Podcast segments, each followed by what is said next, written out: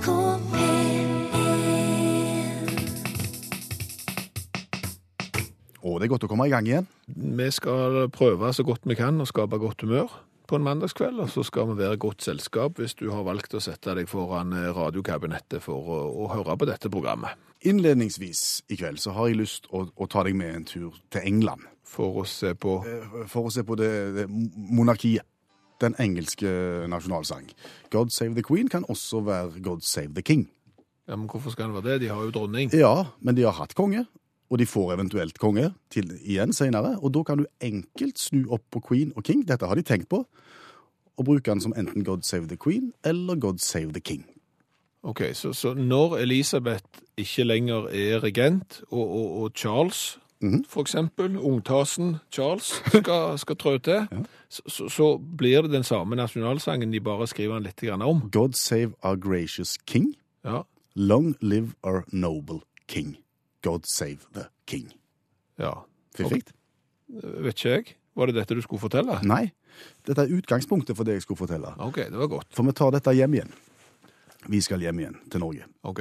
For vi har jo på en måte adoptert den samme sangen og bruker melodien til vår kongesang. Ja. Gud sign vår konge god, sign ham med kraft og mot. Sign hjem og slott. ja. Og, og hvor er problemet henne?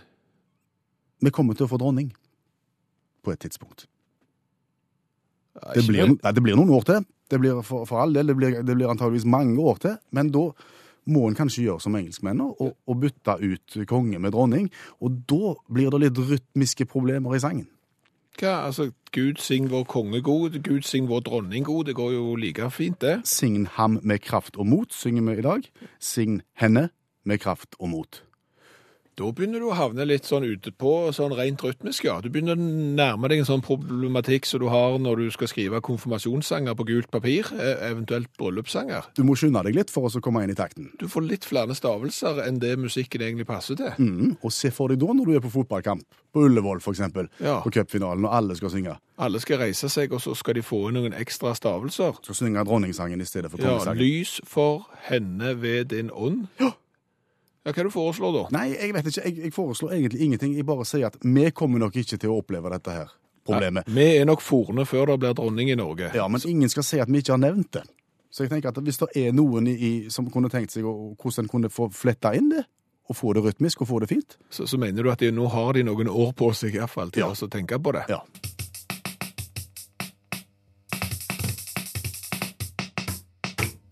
Og nå tenkte vi vi må snakke bitte litt om eh, menn og dresskotyme. Mm -hmm. Fordi at eh, nå er vel gjerne ikke vi de som kjøper oftest dress. Nei, er ikke vi litt sånn at vi kjøper dress såpass sjelden at hadde vi bare holdt ut litt det, så hadde han blitt moderne igjen? Jo, den vi hadde, ja. ja. Men etter da press fra mange som sier du kan ikke gå med den, for den er for gammel, så hender det jo av og til at vi, vi kjøper dress, og det har jeg gjort eh, nylig. Blå var den. Ganske slimfit òg, det er visst inn. Ja.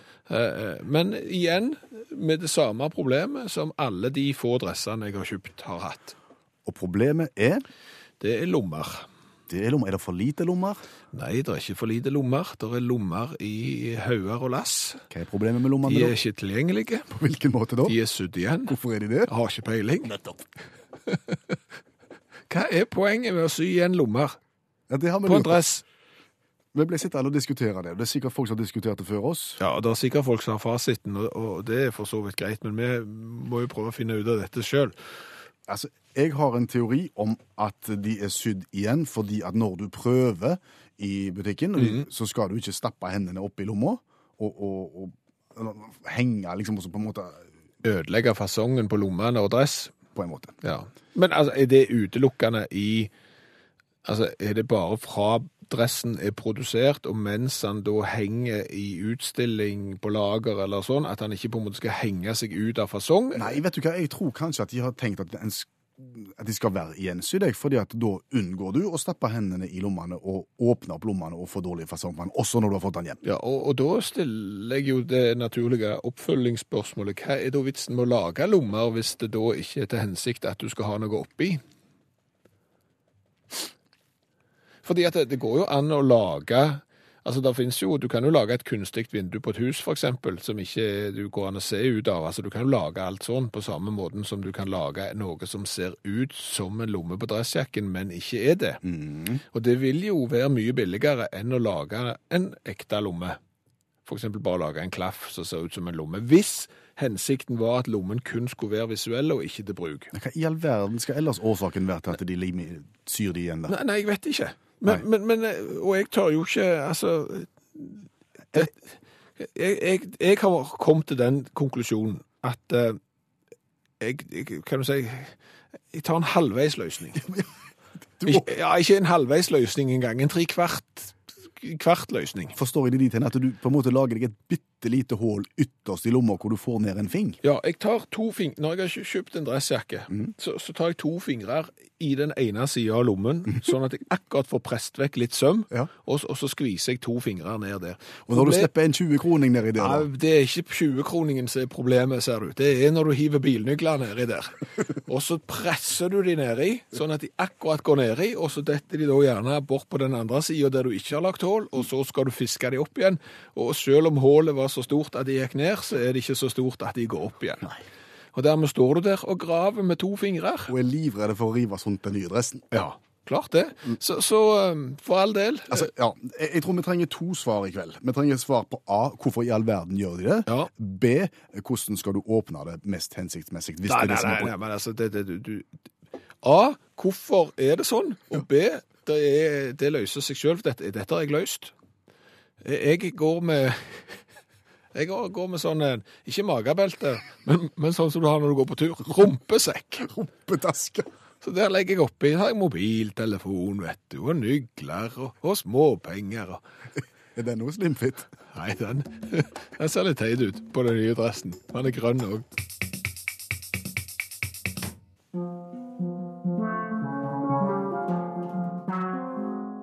Bare spør.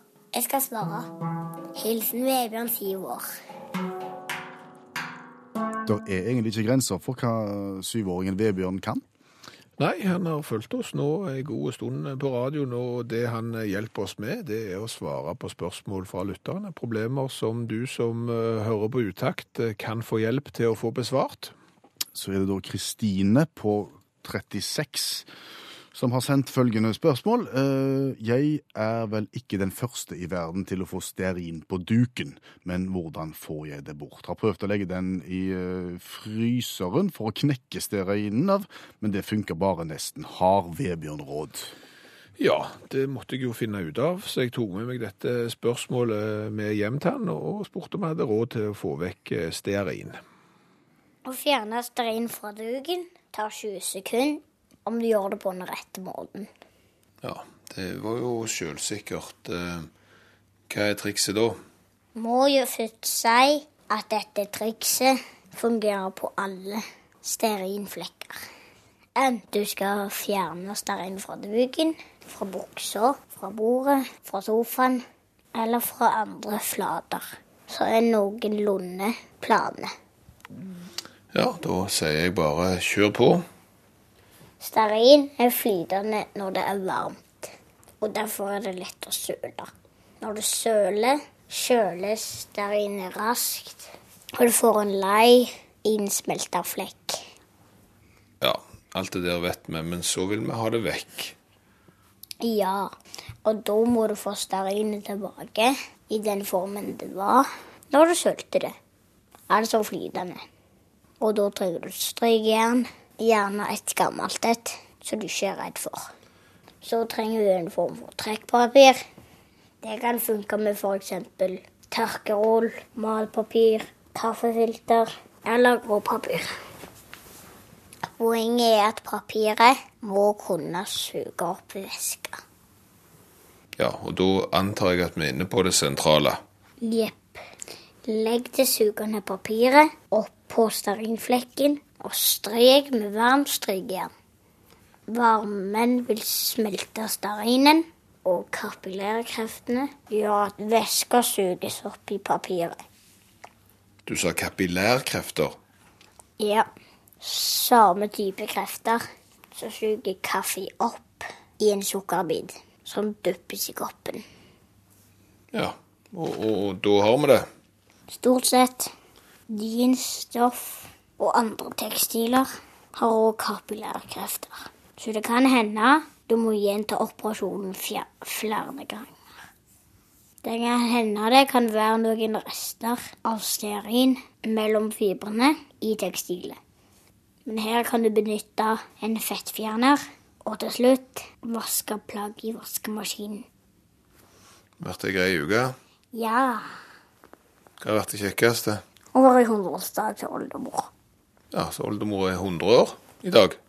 Ja, oldemor er 100 år i dag. Hva vil du da si? Gratulerer med dagen. Sa Vebjørn Sju etter å ha lært oss å få vekk stearin fra duken. Ja, og hvis du har noen problemer og du tror Vebjørn på syv år kan hjelpe deg med, så er det bare å sende en mail utakt krøllalfa nrk.no med love tilsynelatende anonymitet.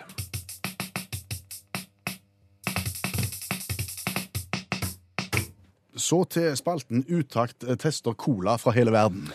Ja, fordi vi har vel tenkt at vi kan vel òg ha noen mål for 2015, akkurat som alle andre tydeligvis kan sette seg noen mål. Og, vårt mål er å smake på mest mulig forskjellige colatyper som finnes.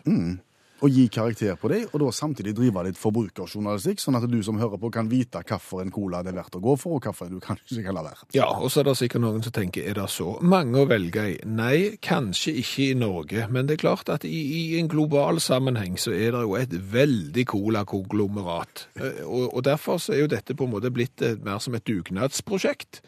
Eh, Der vi analyserer det, vi tar bilder av det, folk kan følge med. Men det betyr jo òg at hvis du er i utlandet og har f.eks. lyst til å ta med deg en litt sjelden cola tilbake igjen, eh, og få den brakt til oss, så er vi glad for det. Det har Eirik gjort. Han har vært i England. Han har vært i England og kom i dag med Fentimans Cherry Tree Cola. Ja. Eh, For å si litt om det vi har gjort tidligere. Forrige uke så var vi innom den som heter RC Cola, Ja. som eh, blir produsert i Norge på lisens. På lisens, ja, og som i utgangspunktet er amerikansk. Den endte da opp på en uh, poengsum hos oss på 22 av 40 mulige poeng. Yes. Men så til den engelske vi har fått i dag. Ja, det er da produsert av Fentimans, ja, og Fentimans kan vi jo si er et uh, britisk basert uh, selskap som ble grunnlagt i uh, 1905, og som har produsert en hel haug med forskjellige ting, ofte eh, med botanisk karakter. De har jo for eksempel eh, lagd mandarin og, og oransjejus, og,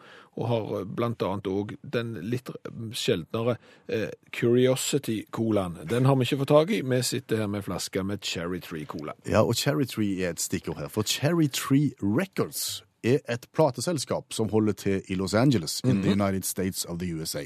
Og Cherry Tree Colaen er da et samarbeid mellom Fentimans og dette her plateselskapet. Ja, og, og ifølge butikken her, blanda med en rekke deilige planter, inkludert ingefær, krydder og, og, og, og kirsebærsmak i, i tillegg. Denne colaen er virkelig ditt pop and rock alternative. Spennende.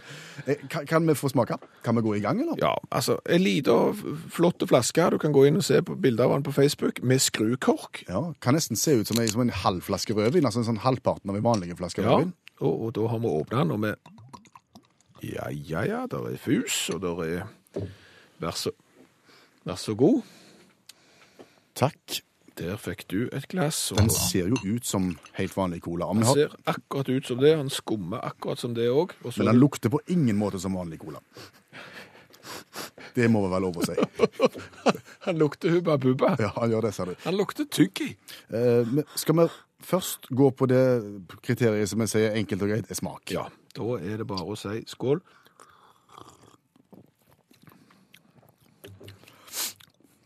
Hubba Bubba-sporet ditt er veldig interessant. Jeg Ja. tror at hvis du hadde klart å rørt ut en Hubba Bubba i en vanlig Coca-Cola, Mhm. så hadde du hatt denne smaken her. Ja, det er ikke verst. Det syns du var godt, du. Det er alle tiders. Jeg syns at Hubba Bubba-cola Det er var voldsomt søtt, okay. var det. det. Det var utrolig søtt, men, men eh, det er klart en halv liter eller to av det her er ikke Gi karakter fra én til ti på smak. Mm. Altså Seks. Du gir en sekser. Ja. Jeg, jeg, jeg kan ikke strekke meg til mer enn to. To? Nei, altså, Hubba Bubba skal ikke i cola. Så enkelt er det bare. Ja, men Og den er jo en- en- botanisk en- dyrka. Dette her er jo ditt pop and rock alternativ eh, på Øystein. Ja, men med den emne-ettersmaken Ok. aldri. Da er vi kommet til det andre parameteret som skal fortelle om dette er en eh, cola du bør satse på.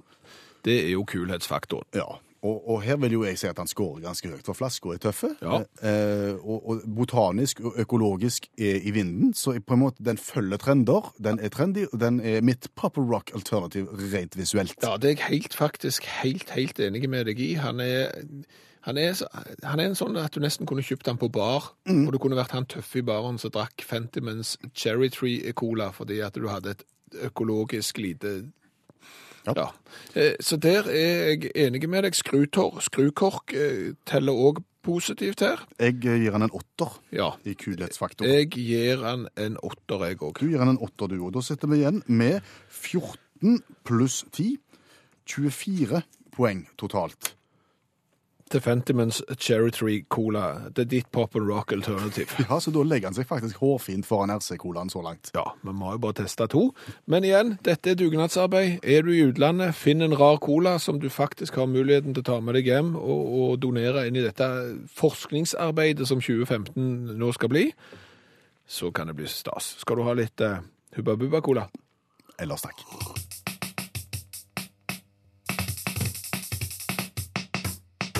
Var det spørsmål?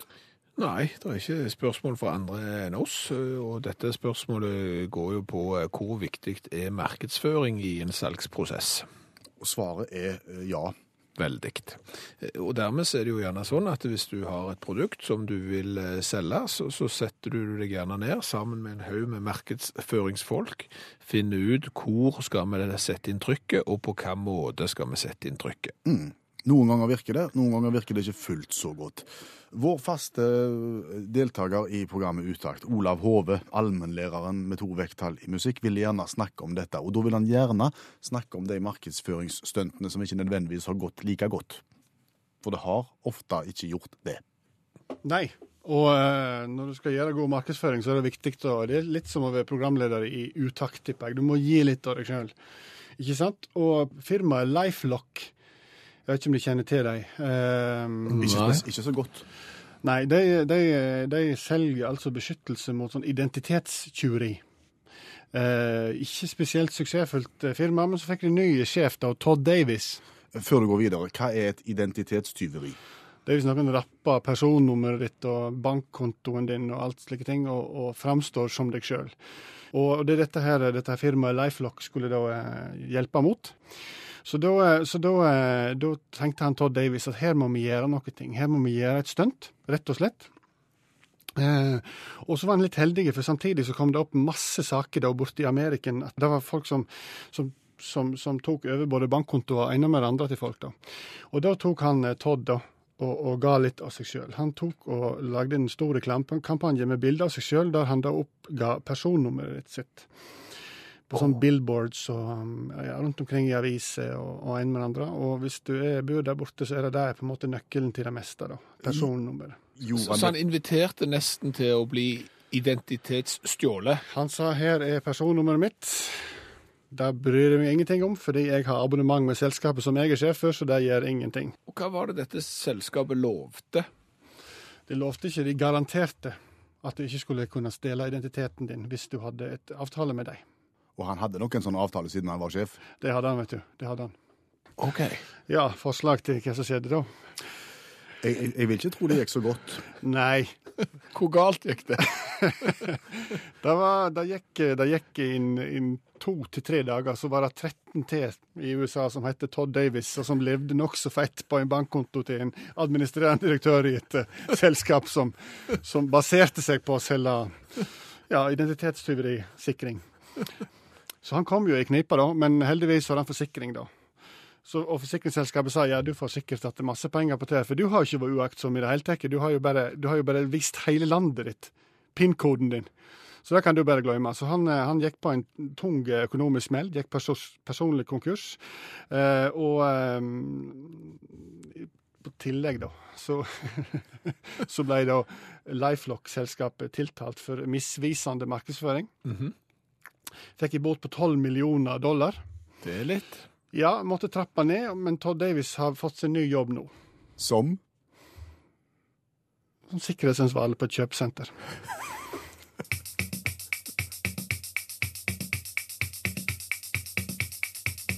hvor vi i dag har snakket en del om lommer i dressen. Lommer som er sydd igjen, og hvorfor i all verden er de det? Ja, og, og det svaret vi vel har kommet nærmest fram til, er at i hvert fall så lenge de henger i butikken, så skal dressen holde fasongen, og dermed så syr de lommene igjen, og så blir det mer valgfritt om du skal åpne lommen helt, eller gjøre sånn som vi gjør, bare åpne den delvis, det vil si at du får akkurat nede i bilnyglene i lommen, men du får det ikke opp igjen. Eh, og vi har fått flere lommehistorier fra deg som hører på eh, Utakt. Anders eh, har en eh, god historie, og han syntes det var kjekt at noen endelig tok opp problemstillinger rundt dette med lommer i dress. Han kjente seg eh, godt igjen i det. Han var forlover i et bryllup eh, for en tid tilbake, og er jo da selvfølgelig ansvarlig for ringene. Og de skulle han ta og legge i innerlommen. I innerlommen, ja. I innerlommen, ja. Og, og den eh, Du har sett sånne eh, bokser som ringer ligger i. De er jo ganske mye større enn selve ringen, og, og er jo gjerne litt boksete i fasongen.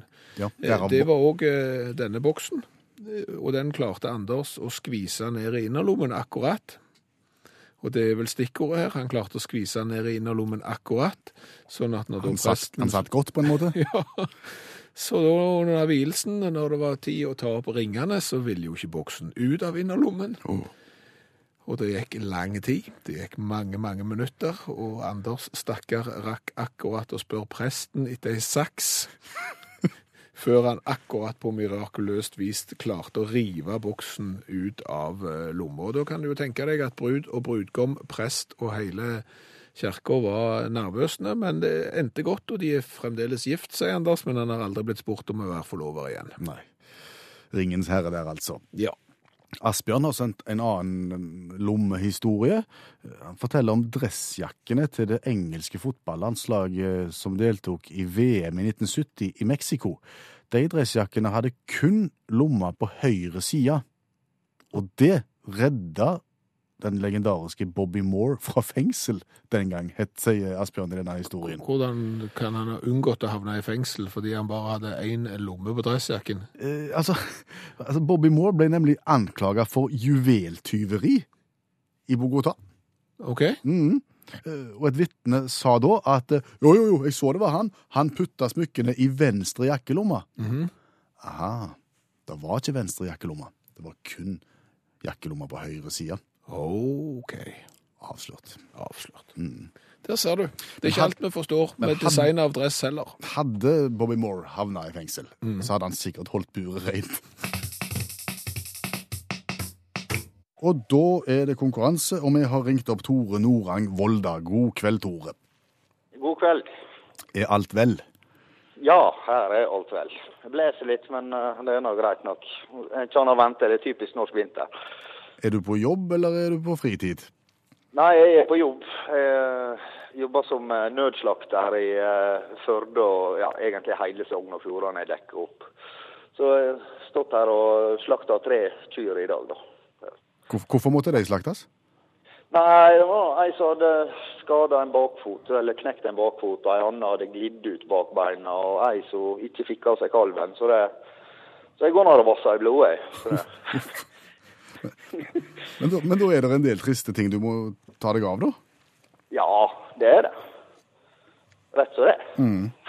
Da får vi håpe at eh, svarene på spørsmålene i konkurransen vår blir mer oppløftende enn eh, det som skjer rundt deg eh, akkurat nå. Og reglene er ganske enkle. Vi sitter her med Peter Nødts eh, store spørrebok for barn fra 1975. Eh, og der tar vi et vilkårlig spørsmål fra en vilkårlig side, og, og svarer Tore rett, så får han gladjodling. Og svarer han feil, så får han tristjodling. Men uansett så kan han gå på jobb i framtida med ei T-skjorte som det står utakt på, og som har V-hals. Høres det greit ut, Tore? Høres veldig bra ut. Flott. Da må vi begynne med å velge et sidetall fra boka, og da har du fra Ja, ca. 10 til 68. Ja, 13, da. 13. Godt tall. Ja, det er jo et bra tall. Da havner vi da på kategorien som heter musikk og sang. Og der er det hele 25 spørsmål å velge i.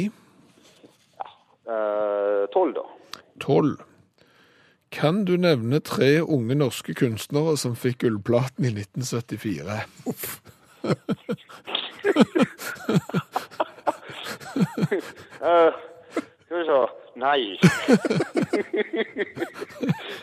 Jeg var, ja, var litt forut for min tid. da. Jeg var født i 77. Ja, OK. Ja, ja. Så, så litt grann prematurt spørsmål her, eh, altså. Ja. Um, OK, la oss, la oss nå bare ta, ta um, Se om vi kan, kan komme i mål her sånn noenlunde. Eh, Han her er far til han i, i A1. Eh, og han Ingebrigtsen, eller hva faker. Ja. Den er god. Stein. Ja, Stein Ingebrigtsen, Ja, ja. han sang mange eh, utenlandske slager på norsk. Eh, Ja. Så, så har du hun som var gift med en, en som var snar å spille gitar. Og tok etternavnet hans. Inga Lise Rypedal. Ja, ja, ja. Da er vi på to av to. Og, og, og så har du ei som, hvis du skal følge etternavnet, var ganske skjønn.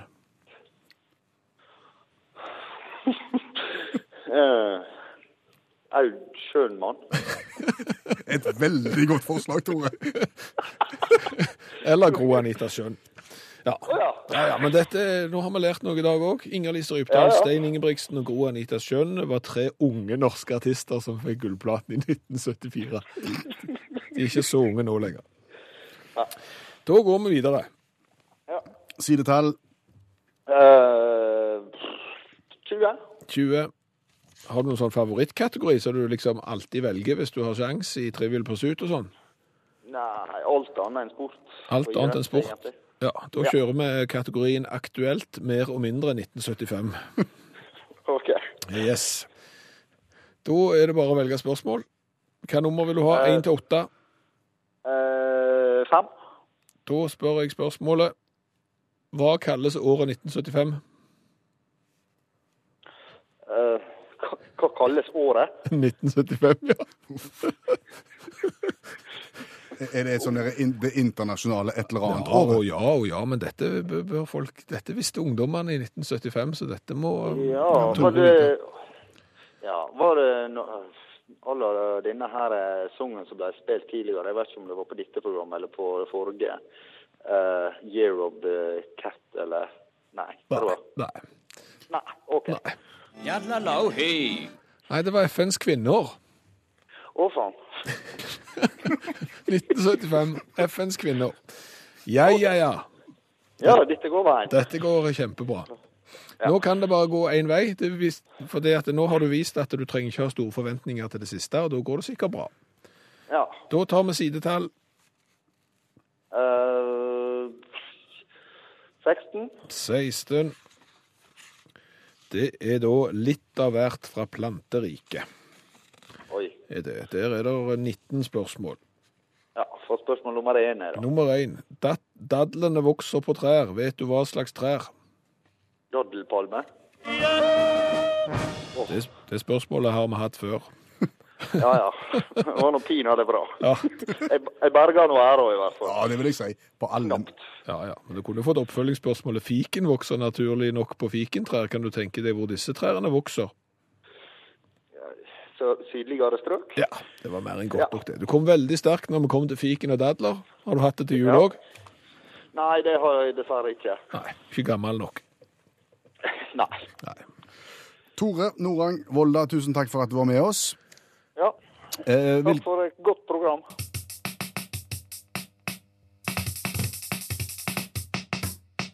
du, Skjæveland. Jeg tenkte jeg skulle bare nevne litt, grann for vi må, så bare gå videre med den.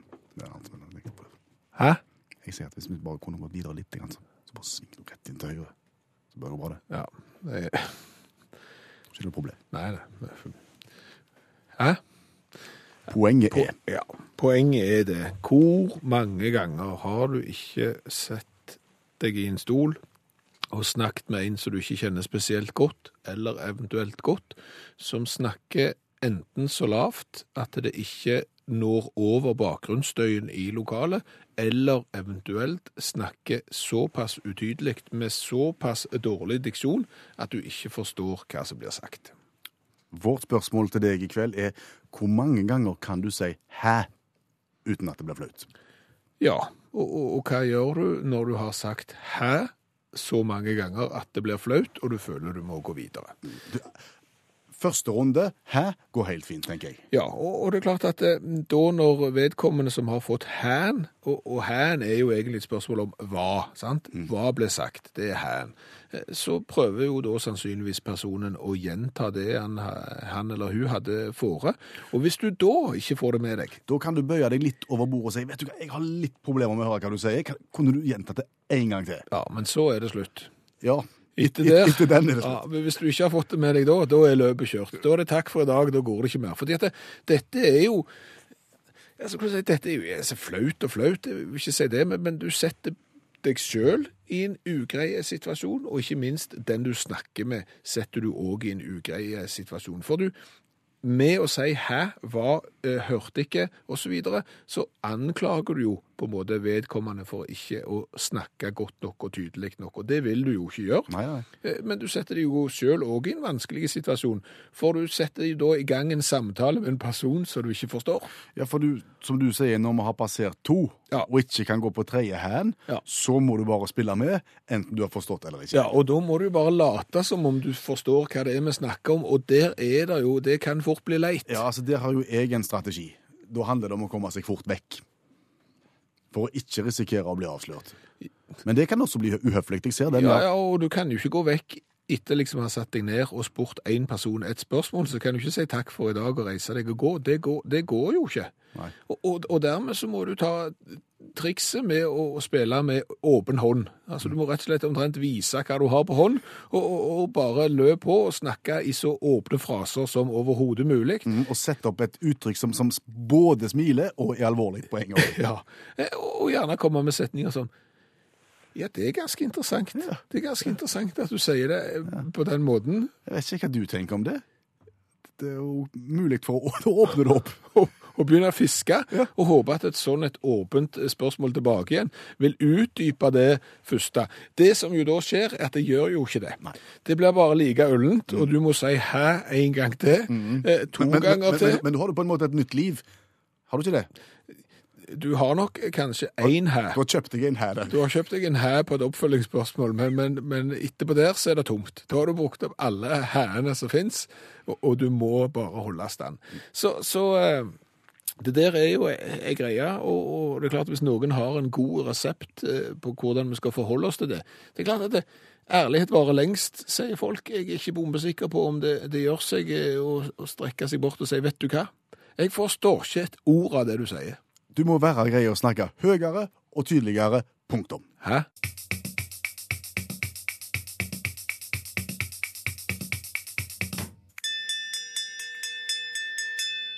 Utakt leser høyt fra boka 'Norges morsomste vitser'.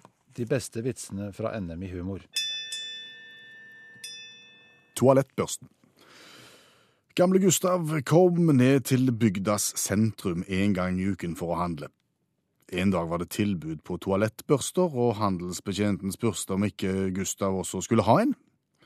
De var både hygieniske og praktiske, forsikret handelsbetjenten, og de ble brukt i de fleste hjem nå for tiden. Jo, Gustav lot seg overtale, og neste gang han var i butikken, så lurte handelsbetjenten selvsagt på om Gustav var fornøyd med toalettbørsten. Tja, sa Gustav, jeg syns den var bra, men eh, kjerringa er jo litt gammeldags av seg, så hun gikk tilbake til papir.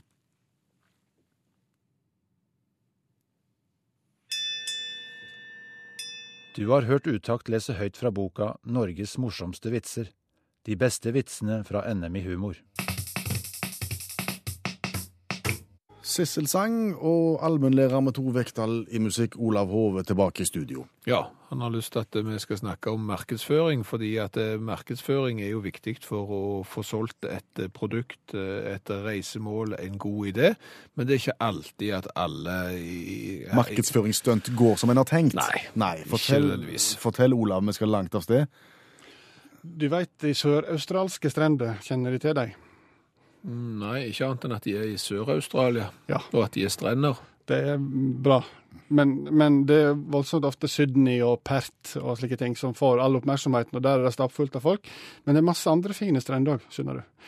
Og, og det ville da, eh, det ville da denne her, kanskje den søraustralske regjering, om vi kan kalle det den fylkeskommunale delen av Sør-Australia, de, de ville gjøre noe med det her. De ville spre ut litt, slik at ikke Bondi Beach var stappfull, men at de kunne få spre ut mye perler i Sør-Australia. Ok, Så de ville skumme fløten av at det var mange turister som tok veien eh, sørover? Ja, og da tenker de som så, nøkkelen her er media. Nøkkelen er rent vann. Nøkkelen er at her kan du boltre deg. Og så, dette må vi innom før, for lite nei-folk på brainstormingen, eh, og kanskje litt dårlig tid. Så det var forslaget. Eh, OK, mm, aleine på ei strand, eh, fint vann, stor, stor fisk, stor fisk, vann. OK, da har vi det. Da, da skrev de eh, 'Vær en stor fisk i en liten badedam og kos deg'.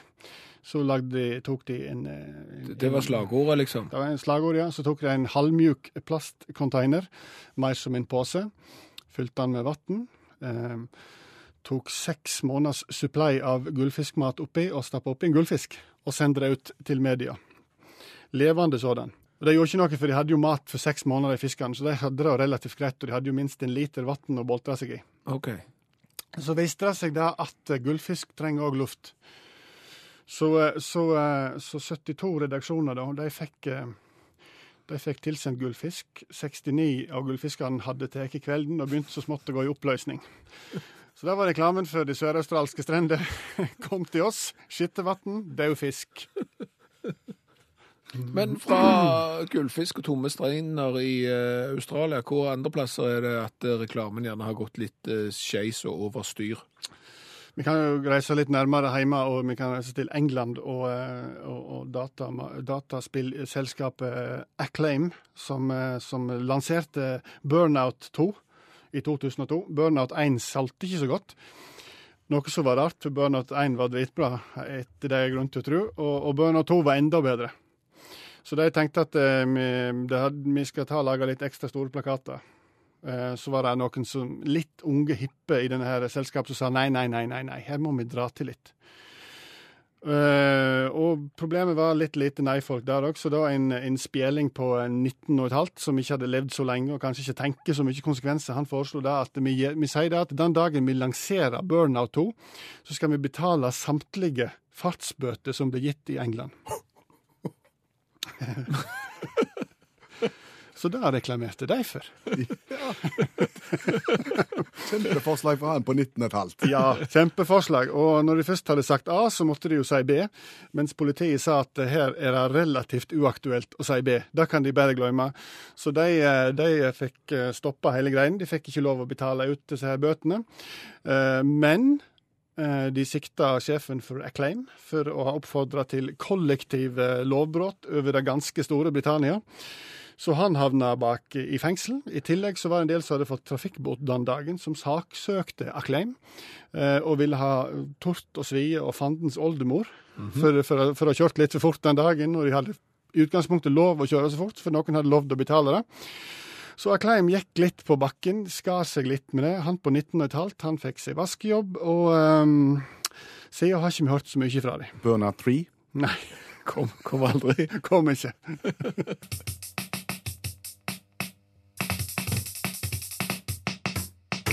Wasted Sunsets, Deep Purple. Var det bråkemusikk? Nå vil gjerne noen si at det var litt sånn bråkete ungdomsrock. Jeg vil jo bare minne om at vokalisten her fyller 70 år i august i år, og vi så han på scenen i fjor, i 2014. Da hadde han fotformsko, komfortbuksa og, og Og trengte oksygentelt på scenen. Ja, ting har skjedd.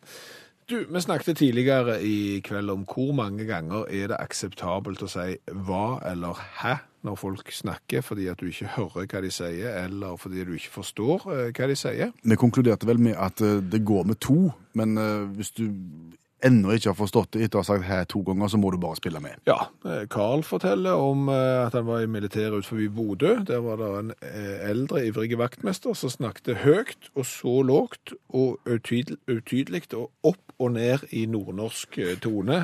Forsto alle. Aldri hva som ble sagt. Da er trikset, Carl, å bare late som om du er med. Ja, men ofte så får du instrukser av vaktmesteren Hæ? om noe du skal gjøre. Hæ? Og hvis du ikke har forstått det, så blir det vrient, sa du. Eh, eh, Klara har sendt inn en melding eh, angående dette her med å, si hæ. tal høyere, sa bestefar min når han var på bedehuset på 1900-tallet. Jaha. Han, han fikk ikke med seg det som ble sagt? Nei, så han sa dere får bare snakke eh, høyere.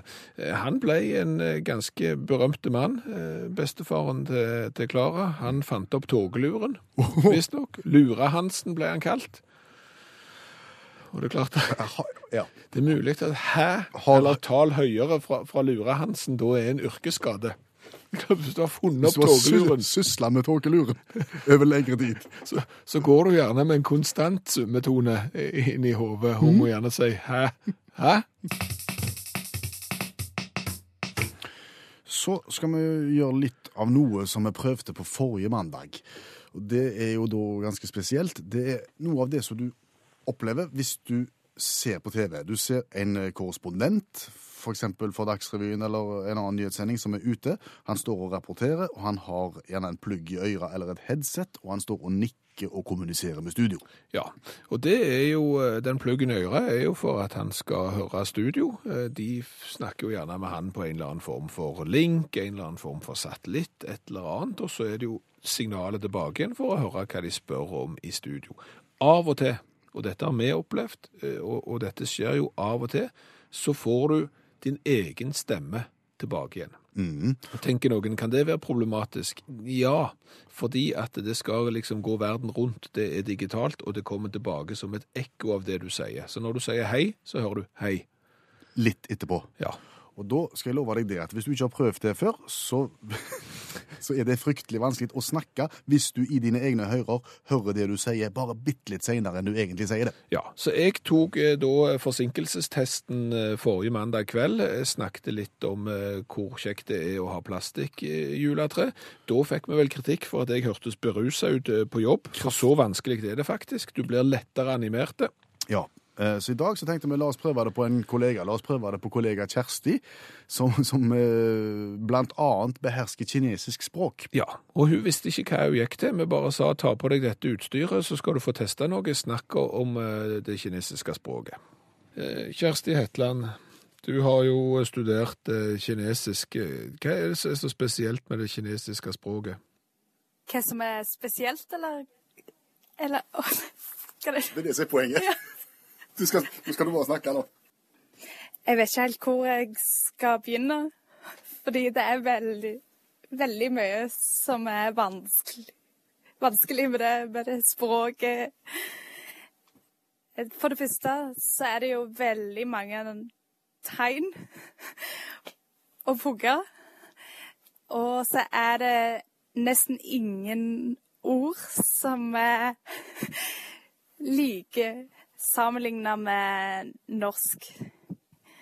Eh, Så et ord kan ha totalt forskjellige meninger, kun eh, basert på hva tone du uttaler det med.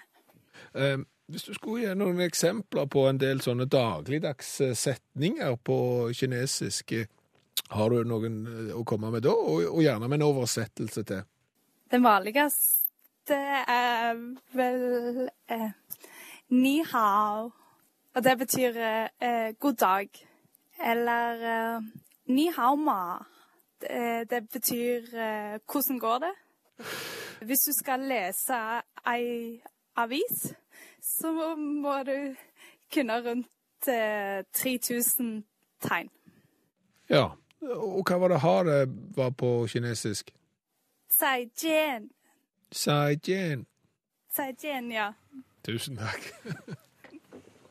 Det er ikke enkelt. og Det du altså hørte her, det var vår NRK-kollega Kjersti Hetland som snakket om det kinesiske språket med headset, hvor hun hørte seg sjøl litt seinere enn det hun egentlig gjorde. Ja, litt ekko av seg sjøl, det er kjempevanskelig. Men nå har hun fått prøvd seg, hun òg.